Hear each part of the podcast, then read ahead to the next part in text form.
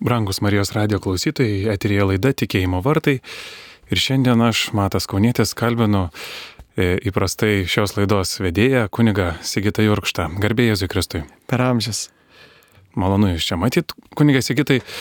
Na ir klausytojai, šiandien mes kalbėsimės, e, kaip ir visada, protu bandysime aiškinti tam tikras tikėjimo tiesas, tam tikrus tikėjimo slėpinius.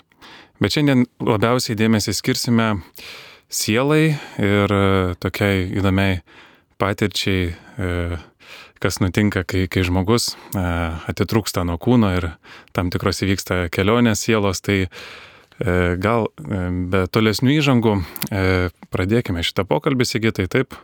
Taip. Biblija ir katekizmas mums kalba apie sielą, tačiau daug šio laikinių mokslininkų norėtų tai paneigti, sakydami, kad viskas yra mūsų smegenyse ir viską galima paaiškinti biocheminiais procesais. E, sakykit, kuo mums, ar gal net visai žmonijai svarbus pripažinimas, kad mes turime sielą? Tai visų pirma, tai tie dalykai, apie kuriuos šiandien kalbėsime, mums duoda tikrai labai gyvą viltį, kad mūsų gyvenimas nesibaigia su šio gyvenimo mirtimi ir kad Dievas yra mums paruošęs nuostabių dalykų. Aišku, atsakant jūsų klausimą, tai tikrai daugelis psichologijos, pavyzdžiui, studentų jau pirmose paskaitose kartais išgirsta, kad siela neegzistuoja, tai paprasčiausiai taip vadinama buvo gyvybė. Graikiškai tai reiškia tiesiog gyvybės principas ir arba, pavyzdžiui, nuot materialistų esam tik tai atsitiktinis evoliucijos produktas, kad nedaug skiriamės nuo gyvūnų ir visas tas mūsų gebėjimas mąstyti, kurti mokslą, meną yra tik tai tokio laimingo atsitiktinumo produktas ir jeigu visgi jeigu paneigiame Dievo buvimą, mes turėtume paneigti ir e, tai, kad egzistuoja absoliuti tiesa. Turėtume paneigti ir tai, kad egzistuoja absoliuti moralė, objektyvi moralė. Kad yra tik tai vat, e, skirtingos moralės, kurias žmonės susikūrė, kaip jiems patogu.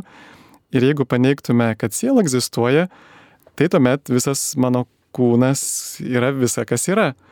Reiškia, jeigu aš, pavyzdžiui, neturiu proto, na, jeigu mano smegenys yra, pavyzdžiui, pažįstos, tai vadinasi, aš neturiu ir jokio orumo, esu daržovė ir tiek pavadintume.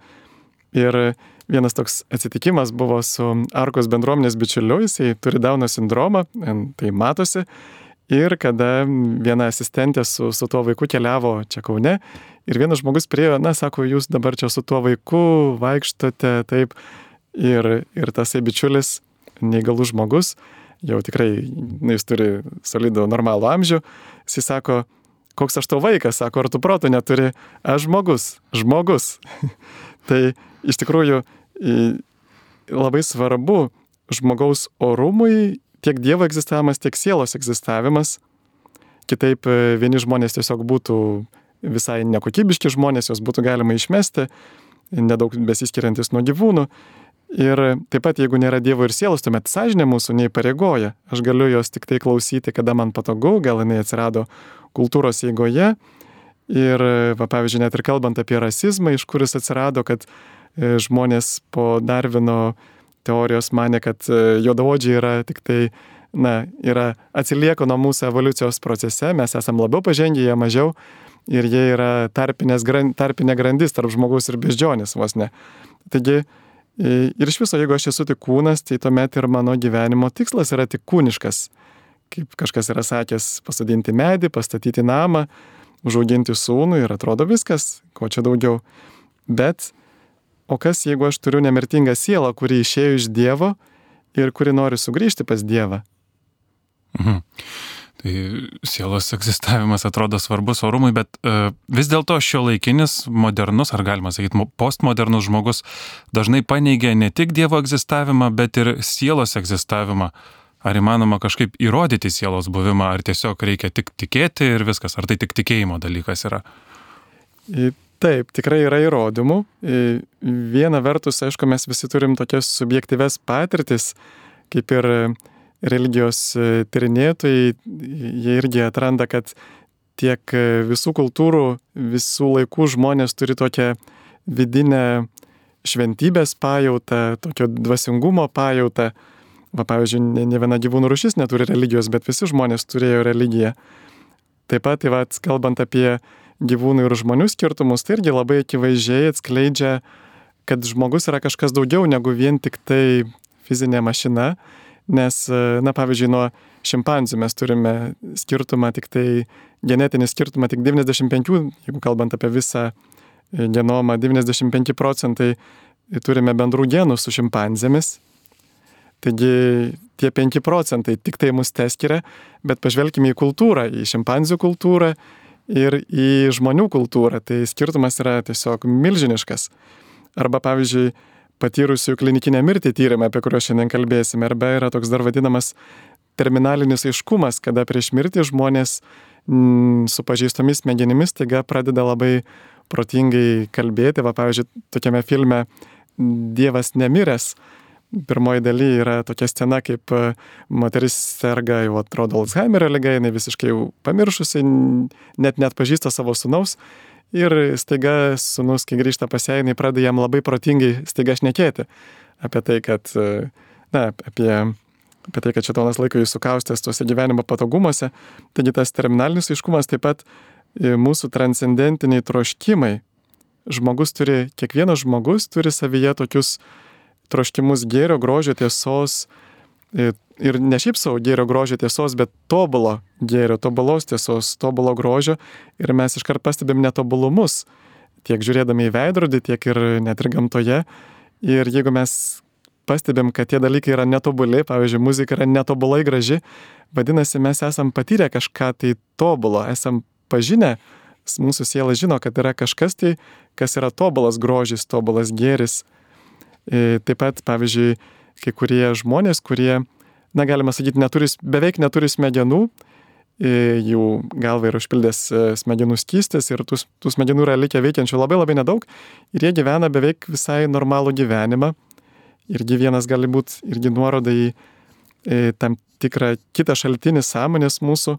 Ir taip pat mokslas, pavyzdžiui, taip pat iki šiol nelabai gali išaiškinti, mes visi žinome, egzistuoja labai gabus žmonės, gabus vaikai, pavyzdžiui, kurie gali spręsti akimirksniu be jokio skaičiuotuvo, pavyzdžiui, uždavinius su šešiaženkliais skaičiais arba e, yra menininkų gabių, kurie gali tiesiog nuo gimimo niekur nesimokę nuostabiausiai realistiškiausius paveikslus piešti, va kaip ir tokia Akienė Kramerika, apie kurią šiandien irgi kalbėsiu, arba na, kitų genijų. Taigi vien tik tai smegenų tyrimai negali paaiškinti jų genialumo. Tai va štai tie dalykai jie gali nurodyti sielos egzistavimą. Mhm, keletas tokių dalykų. Vieną iš jų paminėjote klinikinę mirtį. E, gal galėtumėte daugiau papasakoti apie klinikinės mirties e, tyrimus? Gal buvo žmogus, kuris buvo jų pradininkas? Lietuviai turbūt žino tokį Raymond Moody ir jo knygelę knygą tiksliau, jinai yra 200 puslapio knyga Gyvenimas po gyvenimo, išleista 1975 metais, o mes lietuviškai turėjome tokią brošiūrėlę, 10 kartų trumpesnę, tokią santrauką, e, Life After Life, angliškai pavadinimas, tai ji buvo išleista visam pasaulyje 13 milijonų egzempliorių netgi, buvo pasaulinis bestselleris, Raimondas Mūdis yra E, išsilavinęs žmogus turi tris doktoratus iš filosofijos, psichologijos, medicinos, yra parašęs 14 knygų, nors ne visos tos knygos yra mums krikščionims priimtinos ir vėliau irgi apie tai gal pakalbėsiu. Ir jisai vat, nukaldino tą terminą, ne tik klinikinė mirtis, bet angliškai dar sako near death experience, na, buvimas arti mirties arba artimos mirties patirtis. Ir tokių tyrimų yra daug ir jų daugėja, todėl kad viena priežasčių, kad žmogus medicina pajėgia dažniau atgyvinti žmogaus širdį ir todėl dažniau žmonės sugražinami gyvenimą per prievartą ir yra tūkstančiai dokumentuotų atvejų. Mhm. Gal galėtume dar duoti pavyzdžių kitų tyriejų ir jų darbų? Taip, va šiandien daugiausia remsiuosi tokiu kunigu jezuitu Robert Spitzer. Jis yra IWTN, amerikietiškos e, katalikiškos kabelinės televizijos, e, e, yra vedėjas laidos jo yra laida tėvo Špicerio visata. Ir, pavyzdžiui, mes gal klausytojai vyresni žino apie motinos Angelikos laidas va, per tą televiziją, taip pat gal esam girdėję apie Scottą Haną, apie Michaelą O'Neillą, stebuklų medžiotoją ir kitus, kurie ten veda laidas. Ir tai tikrai yra labai žymus kalbėtojas ir, pavyzdžiui, Roberto Barono, viskopo Roberto Barono tarnystės Word on Fire instituto tokia buvo kasmetinė konferencija, va šiais metais vykusi apie mokslo ir tikėjimo dialogą, tai va šitas kunigas kalbėjo įžanginę, įžanginę paskaitą skaitė. Ir jo sukurta interneto svetainė yra magiscenter.com, magiscenter.com ir ten yra nuostabių katalikiškos apologetikos resursų, pavyzdžiui, tokia Big Book, didžioji knyga, pusantro tūkstančio puslapių apie visas krikščioniško tikėjimo sritis, va, kaip jas galima pagrysti protu.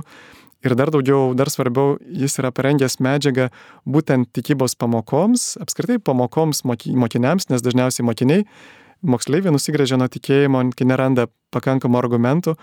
Ir labai labai nuostabi medžiaga anglų kalba yra parengta apie sielos egzistavimą, Dievo buvimą, stebuklus, Jėzaus dieviškumą, evoliuciją, kitus tokiems mokiniams rūpimus klausimus, gal kada nors pavyktų ir lietuvių kalbą jos išversti.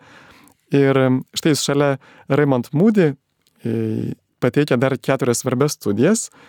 2014 Sam Parnyje, 2001 Pim van Lommel studija, toliau 2006 Keneto Ringo studija, Klūžmonių studija ir Janice Holden tokia meta-analizė 2007 metų. Va trumpai apie tas studijas, tai Parnyje atliko studiją keturių metų trukmės, 2060 pacientų, kurie, kuriems sustojo širdis, Amerikos, Anglijos ir Austrijos ligoninėse buvo ištirti. 9 procentai iš jų, 185 pacientai, turėjo tą artimos mirties patirtį, nors dar apie 30 procentų irgi kažką jautė tokio, bet netitiko tų griežtų kriterijų. Ir taip pat iš viso toje Taip pat Pinfan Lomel atliko studiją 344 e, pacientų Olandijoje ir iš jų 62 pacientai, tai yra 18 procentų, kas penktas, e, kurie buvo atgaivinti po širdies e, sustojimo, po infarkto jie patyrė tą artimos mirties patirtį. Ir štai šitas autorius, jisai atskleidžia tokias charakteristikas, kurios būdingos tiem žmonėm, kurie patiria tą vat, klinikinės mirties, artimos mirties patirtį. 50 procentų jų jie suprato, kad jie yra mirę, daugiau negu pusė jie jautė pozityves emocijas, palaimą, ketvirtadalis jautė save iš, iš e, už kūno ribų, taip pat trečdalis jie jautė, kaip juda per tunelį, žinom visą tą šviesą tunelio gale, Mes juokaujam, kad mes kunigai irgi turim čia mūsų e, tas e, apykaklė ta balta yra kaip šviesa tunelio gale. gale. Taip pat e, ketvirtadalis iš jų turėjo bendravimą su, su šviesa, ketvirtadalis patyrė irgi matė spalvas, beveik trečdalis matė dangišką kraštovaizdį, beveik trečdalis susitiko su mirusiais asmenimis. Ir šeštadalis, septintadalis jie patyrė tokią gyvenimo peržvalgą. E, paskui kita studija, kaip minėjau, Kenato Ringo, e, tyrė 31 aklą žmogų, kurie 14 iš jų buvo aklino gimimo ir iš tų 31 80 procentų galėjo matyti per artimos mirties patirtį. Labai įdomu, kad jie visą gyvenimą nematė arba buvo apakę ir 80 procentų jie teigia, kad jie matė, būtent nebūdami savo kūne reiškia, kad mūsų siela turi akis, turi ausis, jinai gali girdėti, matyti, mąstyti. E, taip pat Raymond Moody, kaip minėjau, irgi jisai tyrė iš pradžių šimtą atvejų, toj pirmoji knygai, paskui jau po dešimties metų tūkstantis atvejų buvo jo tyrimė ir jis irgi rado labai panašias devynias charakteristikas. Ir, ir įdomu, kad tai yra tyriami žmonės skirtingų kultūrų, skirtingų religijų, kad e, jie jautėsi mirę, jie jaut, nejautė jokio skausmo ir jautė tokią vidinę gilę ramybę, patyrė tą tunelį, šviesos žmonės galiausiai susitiko su ta didžiaja šviesa, kuri yra kaip asmuo, e, su šviesos būtybė, šviečiančia būtybė, peržvelgė savo gyvenimą, kuri padėjo jiems peržvelgti savo gyvenimą, jie patyrė tokį staigų kilimą į dangų, e, nenorą, visi patyrė, na, daugelis patyrė, patyrė nenorą sugrįžti. Vat, ir taip pat kitas tyrinėtojas, kur tyrė tuos aklus žmonės, irgi labai panašias charakteristikas rado, kad 60 procentų jautė tą ramybę, 40 procentų atsiskyrimą nuo kūno, ketvirtadalis tą tunelį, šviesos būtybės, tai va, rojaus taip pat dešimtadalis patirtį turėjo. Ir galiausiai ketvirtoji studija Janice Holden, ji ištyrė 37 autorių, 39 studijas, iš viso septynis atvejo studijas ir jinai tyrė būtent labai griežtais kriterijais, bandydama patikrinti, kiek patikimi yra tie e, tų žmonių liudijimai. Ir atrado, kad tik 8 procentų buvo parodymai netikslus, bet jeigu dar griežčiau įmant va tuos atvejus, kuriuos, 48 atvejus, kuriuos galėjo dar patikrinti ne tik jų pačių liudijimas, bet ir dar kiti, kitas liudijimas nepriklausomas šaltinis, 80 procentų, 83 procentai buvo tikslus taikant pačius griežčiausius kriterijus. Taigi yra didesnis tikslumas negu, pavyzdžiui, prisiekusiųjų teisme. Atrodo, tokias labai ryškės, realias patirtis žmonės išgyveno, e, kurias ištyrė, bet gal galit pateikti konkrečių pavyzdžių, ką tie žmonės e, matė, patyrė, kas tai buvo? Taip, čia turbūt visiems įdomiausia dalis. Tai, na, pavyzdžiui, viena moteris, ji, jos atsiprašė gydytojai, nu, čia visi, visi žmonės po klinikinės mirties. E, atsiprašė, kad sako, mes pametėm jūsų protezų, jinai sako, ne, ne, sako, aš mačiau, kad seselė įdėjo tokį stalčiuką, paskui išnešė ten į tokį aukštą ir ten kitam aukšte yra, bet nueikite ant tame stalčiuje rasite tą protezą. Nors tai viskas įvyko, kada jinai buvo mirusi. E, pavyzdžiui, kitas žmogus liudija, kad jisai matė, kaip gretimoji operacinė vyksta operacija ir vienai e, na, iš personalo nukrenta sagė, kitas žmogus užlipa ant tos sagės, ją sutraiško ir va, jinai galėjo pasakyti, kas kam nukrito ir, ir kas taip įvyko. Arba kitas žmogus, pavyzdžiui, matė skaičius iš viršaus, matė save iš viršaus ir skaičius užrašytus ant medicinės įrangos. Ir kada jis atsibudo, jisai pasakė seselį tos skaičius, o jinai veždama įrangą pamatė, kad jie visiškai sutampa.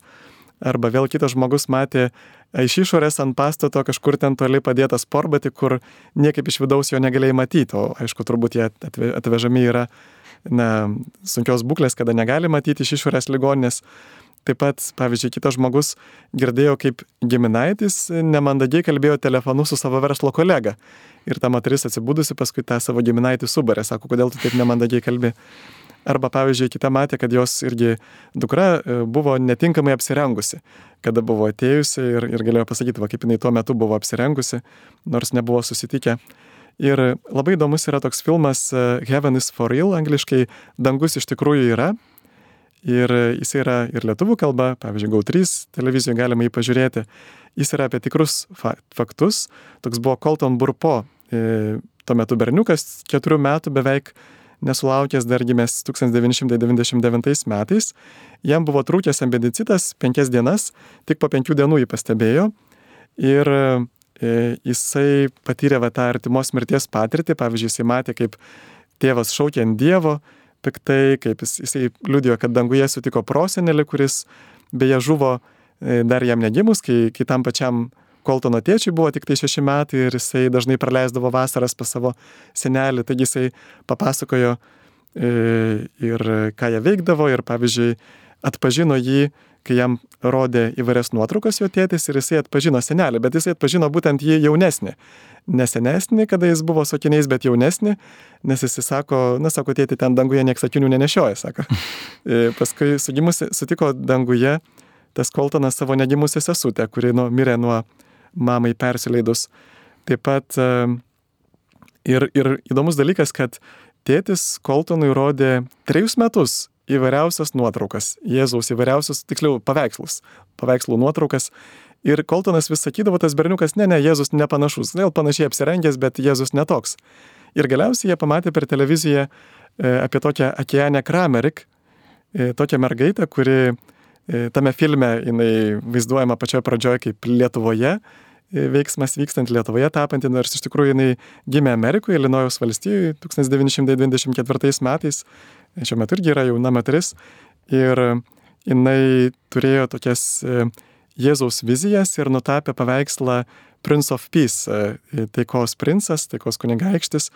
Ir kai tas berniukas Koltonas pamatė per žinias tos mergaitės tapytą paveikslą, sako, čia jis. Sako, štai, vat, aš būtent, būtent po trijų metų, va štai šitas e, paveikslas atitiko ir įdomu, kad E, ta mergaitė, man, jinai pradėjo tapyti labai anksti, jie, man atrodo, buvo gal 12 ar, ar nežinau kiek metų, e, na, jinai vaikystėje tą paveikslą nutapė ir labai greitai pasireiškė jos tokios tiesiog, na, genijaus gabumai, ypatingo sugebėjimo, ypatingo talento dailiai jinai turėjo, jinai pati mokėsi tiesiog, pati nieks jos nemokė, ir nuostabiausiai tikslius paveikslus pradėjo tapyti ir jinai sakė, kad matė vat, Jėzus dangaus vizijas ir pagal tai tapė. Beje, buvo atliktas, atliktas ir to paveikslo e, taikos kunigaikštis Akenės Kramerik nutapyto ir Turino drobulės tyrimas ir buvo atrasta, kad tie paveikslai sutampa. Va, tai... Tas pats Jėzus. Taip. Labai, labai daug atrodo tų pavyzdžių, vardinat, vardinat, vadinasi, žmogus turi sielą, kuri gali matyti, girdėti, judėti be kūno. Taip, gali netgi eiti keurai per sieną. O kokia dalis žmonių turi artimos mirties patirtis? Iš e, suaugusiųjų turi 20 procentų, bet iš vaikų net 85 procentai. Ir beje įdomu, kad e, iš vaikų, kas penktas, jie iš tų jų liudijimų sugrįžusių sakydavo, kad e, jiems e, Dievas davė pasirinkimą, ar jie nori grįžti. Tai iš visų, kurie patiria klinikinę mirtį, 80 procentų saugusių patiria uh, tą ne, patirtį. 80 procentų nepatiria saugusių, bet 85 procentai vaikų patiria. A, supratau, Taip. supratau. Ar jie visi matė ne tik save, bet ir dangų, mirusius, artimuosius? Na, 50 procentų maždaug pagal kai kurios tyrimus jų liausi patirtis operacinėje, jie tiesiog mato save iš viršaus, gali ten stebėti, kas vyksta, bet net man buvo ir vienas atvejis, iš karto papasakoju apie žmogų, kuris mane vežė į laidotuvės ir sako, sako, tikrai mano draugas, kuris buvo niekad, niekad nebuvo religingas, bet Anglijoje mes kartu dirbam, kareivis, jisai buvęs, sako, va štai pasakojo, kaip jisai irgi buvo miręs, va tą klinikinę mirtį išgyveno ir jisai matė save iš viršaus kaip sesuo Filipinietė atsiklaupė ir meldžiasi už jį ir jis paskui atsibūdęs jai padėkoja, kad už jį meldėsi. Tai iš tikrųjų, vat, pusės jų liaujasi patirtis operacinėje. Mhm. O gal yra duomenų, kokius artimuosius dažniausiai sutinka danguje, ar giminaičius, ar, ar nepažįstamus žmonės irgi? Labai įdomu, kad e, pagal tyrimus kai kuriuos netgi 95 procentai būna giminaičiai. Va tėvai, seneliai, tėtos, 95 procentai giminaičiai. Vadinasi, irgi mes kartai žemėje gyvendami nepagalvom, koks svarbus yra mūsų ryšys su giminaičiais, su tėvais, ne tik su tėvais, va, dažnai tenka matyti visai apleistus tėvus, kada vaikai e, ten išvažiavę į Ameriką arba labai retai sugrįžta ir bet kartais visai nebendrauja su tėvais, bet va štai iš tikrųjų koks yra svarbus tas ryšys su giminaičiais, mes dažnai turim tokią patirtį, kad tik tai sustinkam su jais e, tik per laidotuvės. Ir va, įdomu, kad Virginos universitete tokie Bruce Grace ir Emily Kelly pradėjo kataloguoti mirusių giminių susitikimo patirtis ir dalis tų sutiktų giminių netgi buvo nepažįstami, nes e, jie buvo mirę 20-30 metų, pavyzdžiui, dar prieš gimstant jiems. Ir, ir pavyzdžiui, va, teta ima pasakoti savo e, vaikams, e, ką jie mėgdavo daryti, kaip žaisdavo su, su savo broliu, su to vaiko tėvu. Ir, ir kai vaikas grįždavo, tada papasakodavo savo tevams. Ir pavyzdžiui, koks buvo meškiuko slaptas vardas, kai, kur jie užaugo, ką veikdavo, kai tėvai, pavyzdžiui, tėvas savo vaikui tų dalykų nepasakodavo. Ir tai štai jie, tie mokslininkai sukatalogavo daugybę liudijimų ir, ir tie liudijimai, kuriuos jie papasakojo, tiem žmonėms buvo visiškai tikslus ir, ir tie žmonės kitaip niekaip negalėjo tų dalykų žinoti. Mhm. Dar minėjote aklų žmonių liudijimus, e, ar jie svaresni už kitus, nes jie nėra nieko matę, iš vis kaip pamatuotos liudijimus atrodo, ar jie e, ypatingesni kažkom yra. Taip, iš tikrųjų, nes e, jie negali patirti halucinacijų vaizdinių, ypatingai tie, kurie niekada nėra turėję vaizdų išsaugotų smegenyse, taigi jie paneigia tą halucinacijos teoriją, kad, kad jiems pritruko degonės, prasidėjo halucinacijos Pavyzdžiui, jie pradėjo pasakoti apie, vat, vienas žmogus apie susodintas medžių eilės, traukinius, rodiklės, nors jis pradžioj neturėjo tų vaizdinių, negalėjo net matyti, kur ta rodiklė rodo.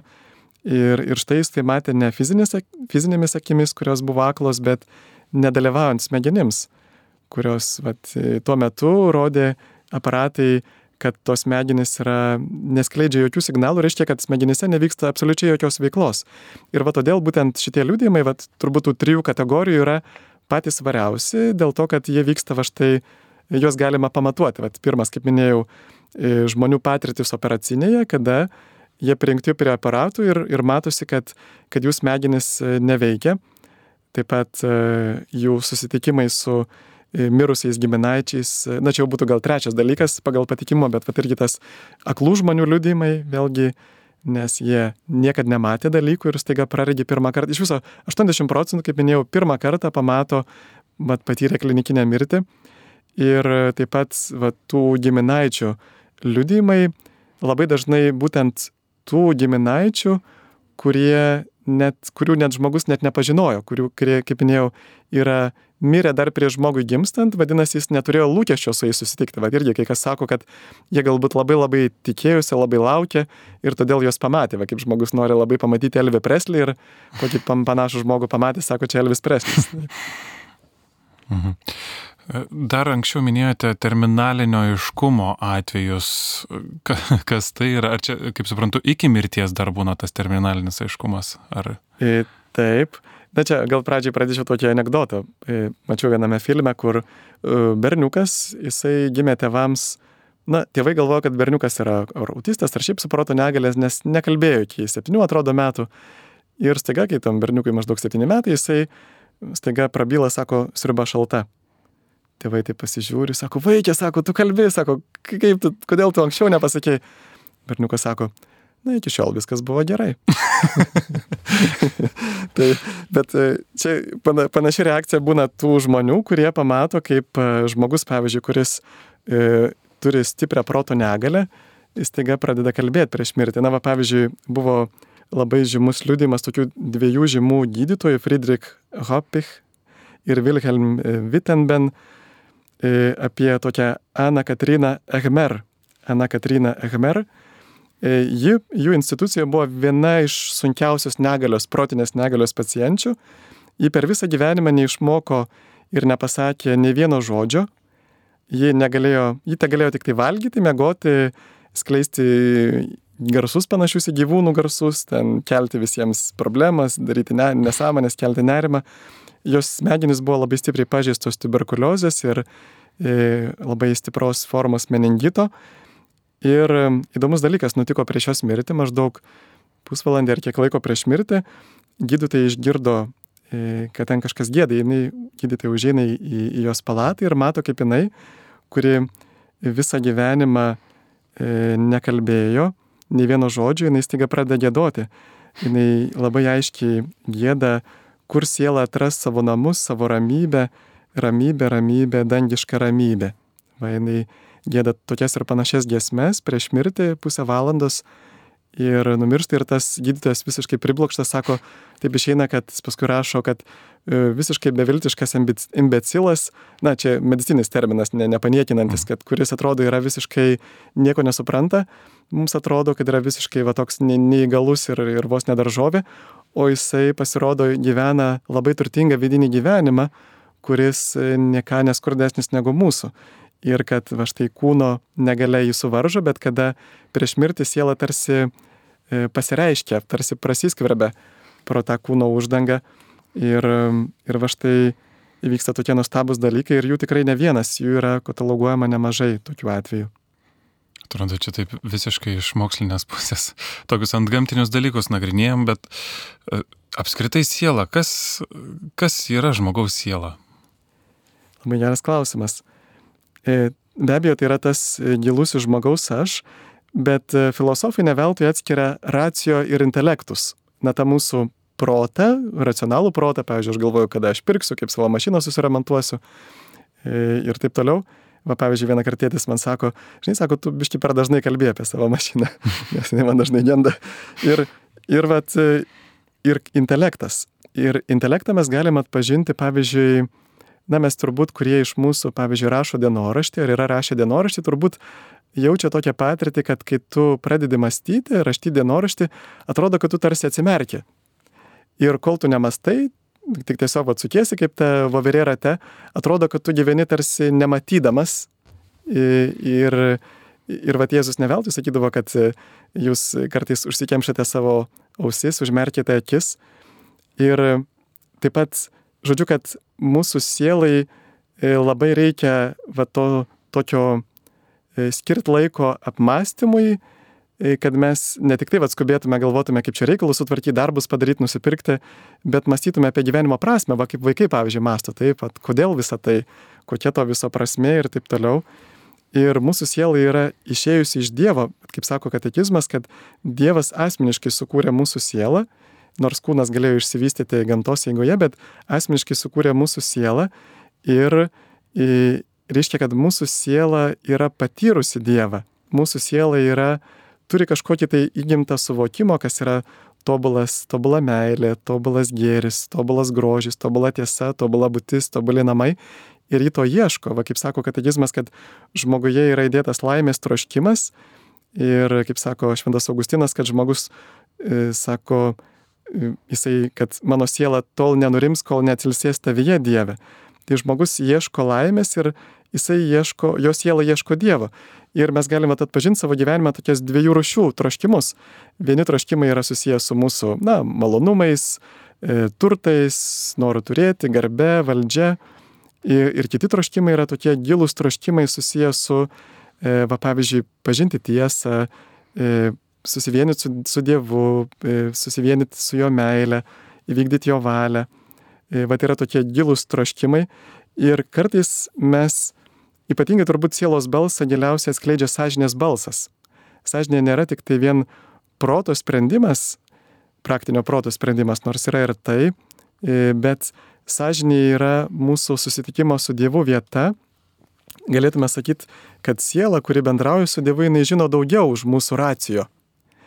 Ir mums labai svarbu įsiklausyti savo sąžinės balsą ir labai dažnai mes jį išgirstame būtent tada, kai, pavyzdžiui, susirgame, va, kada dinksta visi dirgikliai, visi, kaip čia pasakyti, na mes gyvenam tokios ypatingos taršos sąlygomis, ne tik tai e, fizinės taršos, bet ir, pavyzdžiui, triukšmo tarša, mes labai retai galim pabūti tyloje, šviesos tarša, pavyzdžiui, mes miestuose, žvelgdami į dangų, nematome beveik žvaigždžių, nors kaime galime pamatyti milijonų žvaigždžių, kurios skatina mus susimastyti apie begalybę, apie kurėją. Mane, pavyzdžiui, prie Dievo labai patraukė būtent astronomija, va, mhm. vaiky, tiksliau vaikystės žiūrėjimas į dangų kaime ko mieste nepamatysi. Betono tarša, kada mes esam atitolę nuo, nuo gamtos, aš prisimenu irgi kaime pas mačiutę, man visą laiką jausdavosi arčiau Dievo, nes būdavo arčiau gamtos. Ir taip pat skubėjimas įvairūs, kada mes norim kuo daugiau padaryti ir neturime laiko e, pamastyti, aš tai apie tos, e, na, tuo intelektu savo pasinaudot, galiausiai taip pat mūsų siela turi ir kitas galės, pavyzdžiui, va, tie giliausi troškimai yra ta mūsų sielos valia, yra ta mūsų na, fizinė valia, tai aš galiu turėti valią nueiti į parduotuvę, bet yra mano sielos valia, pavyzdžiui, kuri pasireiškia per tuos giliausius troškimus. Pavyzdžiui, noras kurti muziką, pavyzdžiui, va, yra nuostabus filmas August Rush 2007 metų, kaip e, vaikas e, vaikų namuose, e, jisai buvo pasimetęs nuo, nu tiksliau sakant, mama buvo priversta atiduoti vaikų namus, jinai buvo muzikantė ir tas vaikas jis labai turėjo tokį vidinį troškimą atrasti savo tėvus.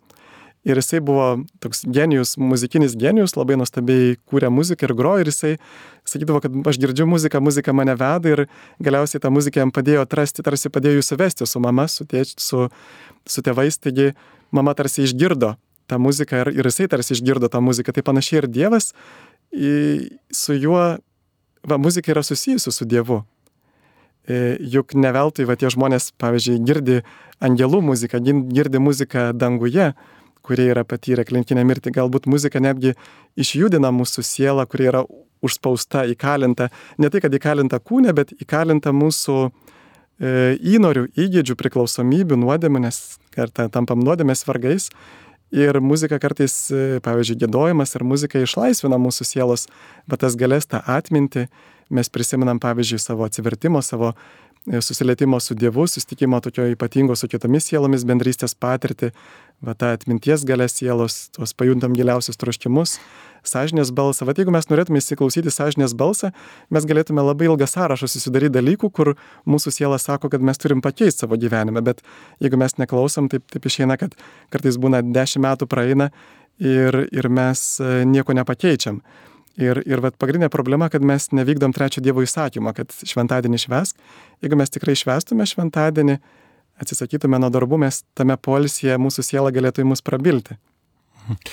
Mūsų laida į pabaigą eina, bet gal dar pavyktų trumpai, e, gal galit papasakot, kaip e, minėti tyrimai, apie kuriuos kalbėjote, e, paveikė pačius tyrėjus, ar jie tikintis buvo, netikintis, kaip jų gyvenimai pasikeitė? Dalis buvo netikintis, bet paskui beveik visi pradėjo tikėti Dievą. Bet ypatingas atskiras yra Raymond Moody atvejais, aišku, galima paminėti, gal čia ir jis sugadino šiek tiek tą pasaulinę šlovę, kai jo knyga 13 milijonų egzempliorių vienintelė išleidžiama, bet e, kartu jisai turėjo tokį požiūrį, kad mm, kaip ir, na, gal dabartinis būtent New Age toks religinis judėjimas, kuris mes apie jį kalbėjom kitose laidose, kad jisai nedaro skirtumą tarp gėrio ir blogio ir dažnai patenka į spastus jam trūksta tokio atskirimo, nes jis neturi kriterijus, pagal ką atskirti. Vat, pavyzdžiui, Biblijoje yra sudaryta iš e, tam tikrų knygų kanono ir kanonas yra tarsi tas matavimo vienetas, tas atskirimo kriterijus. Ir Mūdis galiausiai paskutinę knygą parašė, kaip jinai ten vadinasi, kad Dievas yra didesnis už Bibliją, bet galiausiai jisai liktai bando pasakyti, kad e, žmonės, na, galiausiai aš taip supratau, kad jisai yra patyręs tokią neigiamą patirtį, E, fundamentalistų krikščionių, kurie labai raidiškai viską aiškina Bibliją ir kurie sako, nu, bet, pavyzdžiui, jeigu Biblijoje to neparašyta, vadinasi, to ir nėra. Jeigu parašyta Biblijoje, kad per šešias dienas sukūrė pasaulį, tai taip ir yra.